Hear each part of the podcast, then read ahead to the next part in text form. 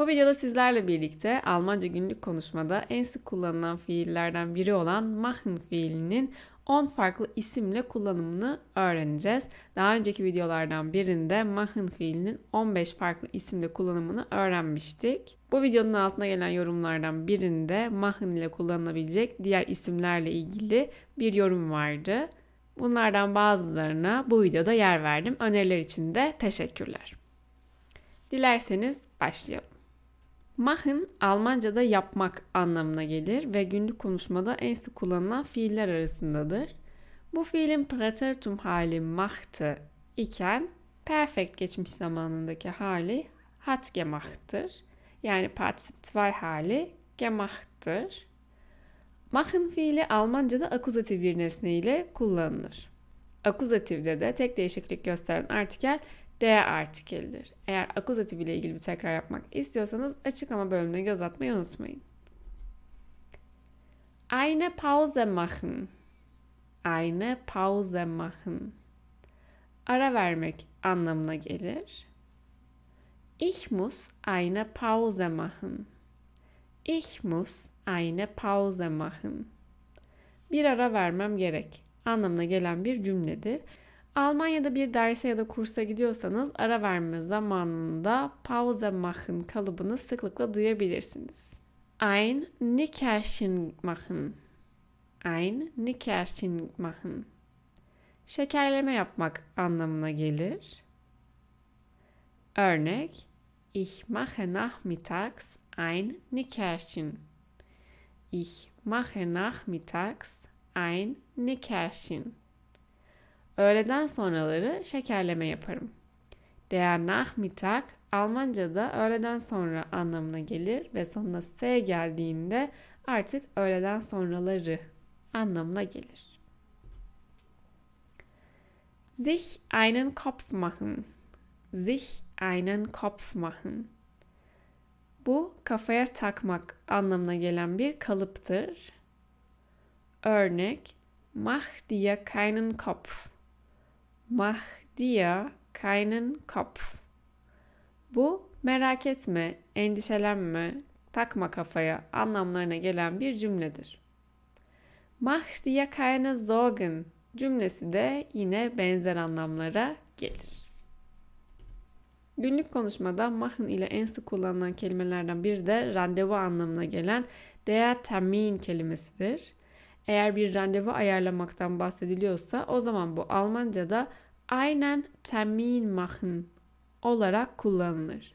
Başlangıç seviyesinde genelde bu şekilde kullanılır. İleri seviyelerde ise einen Termin vereinbaren kullanılabilir. Bu da yine bir randevu ayarlamak anlamına gelir. Haydi gelin örneğimize bakalım. Ich möchte einen Termin machen. Ich möchte einen Termin machen. Bu cümle bir randevu ayarlamak istiyorum anlamına gelir. Einen Ausflug machen. Einen Ausflug machen. Bu ise bir gezinti yapmak anlamına gelir. Eğer günlük arkadaşlarınızla buluşup bir yerlere gidecekseniz, bir gezi yapacaksanız böyle bir durumda Ausflug machen kullanabilirsiniz. Örnek Möchtest du am Wochenende einen Ausflug machen? Möchtest du am Wochenende einen Ausflug machen? Hafta sonu bir gezinti yapmak ister misin? Anlamına gelen bir cümledir. Sinn machen, Sinn machen. Mantıklı olmak anlamına gelir. Örnek Das macht keinen Sinn. Das macht keinen Sinn. Bu cümle bu saçmalık ya da bu mantıklı değil anlamlarına gelir. Eğer bir şeyi mantıklı buluyorsanız o zaman da das macht Sinn. Das macht Sinn kalıbını kullanabilirsiniz. Jemandem Mut machen. Jemandem Mut machen. Bu birine cesaret vermek anlamına gelir. Jemanden ermutigen. Jemanden ermutigen. ile aynı anlamı taşır. Örnek Sie machte mir Mut. Sie machte mir Mut. Bu cümle o bana cesaret verdi anlamına gelir. Eine Tasse Kaffee machen. Eine Tasse Kaffee machen. Bu ise bir fincan kahve yapmak anlamına gelir. Eğer çay yapıyorsanız o zaman eine Tasse Tee machen kalıbını kullanabilirsiniz. Örnek Kannst du mir bitte eine Tasse Kaffee machen? Kannst du mir bitte eine Tasse Kaffee machen? Bana bir fincan çay yapabilir misin lütfen?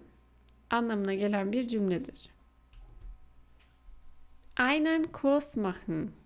Einen Kurs machen ise kursa gitmek anlamına gelir. Örnek Seit zwei Monaten mache ich einen Deutschkurs. Seit zwei Monaten mache ich einen Deutschkurs.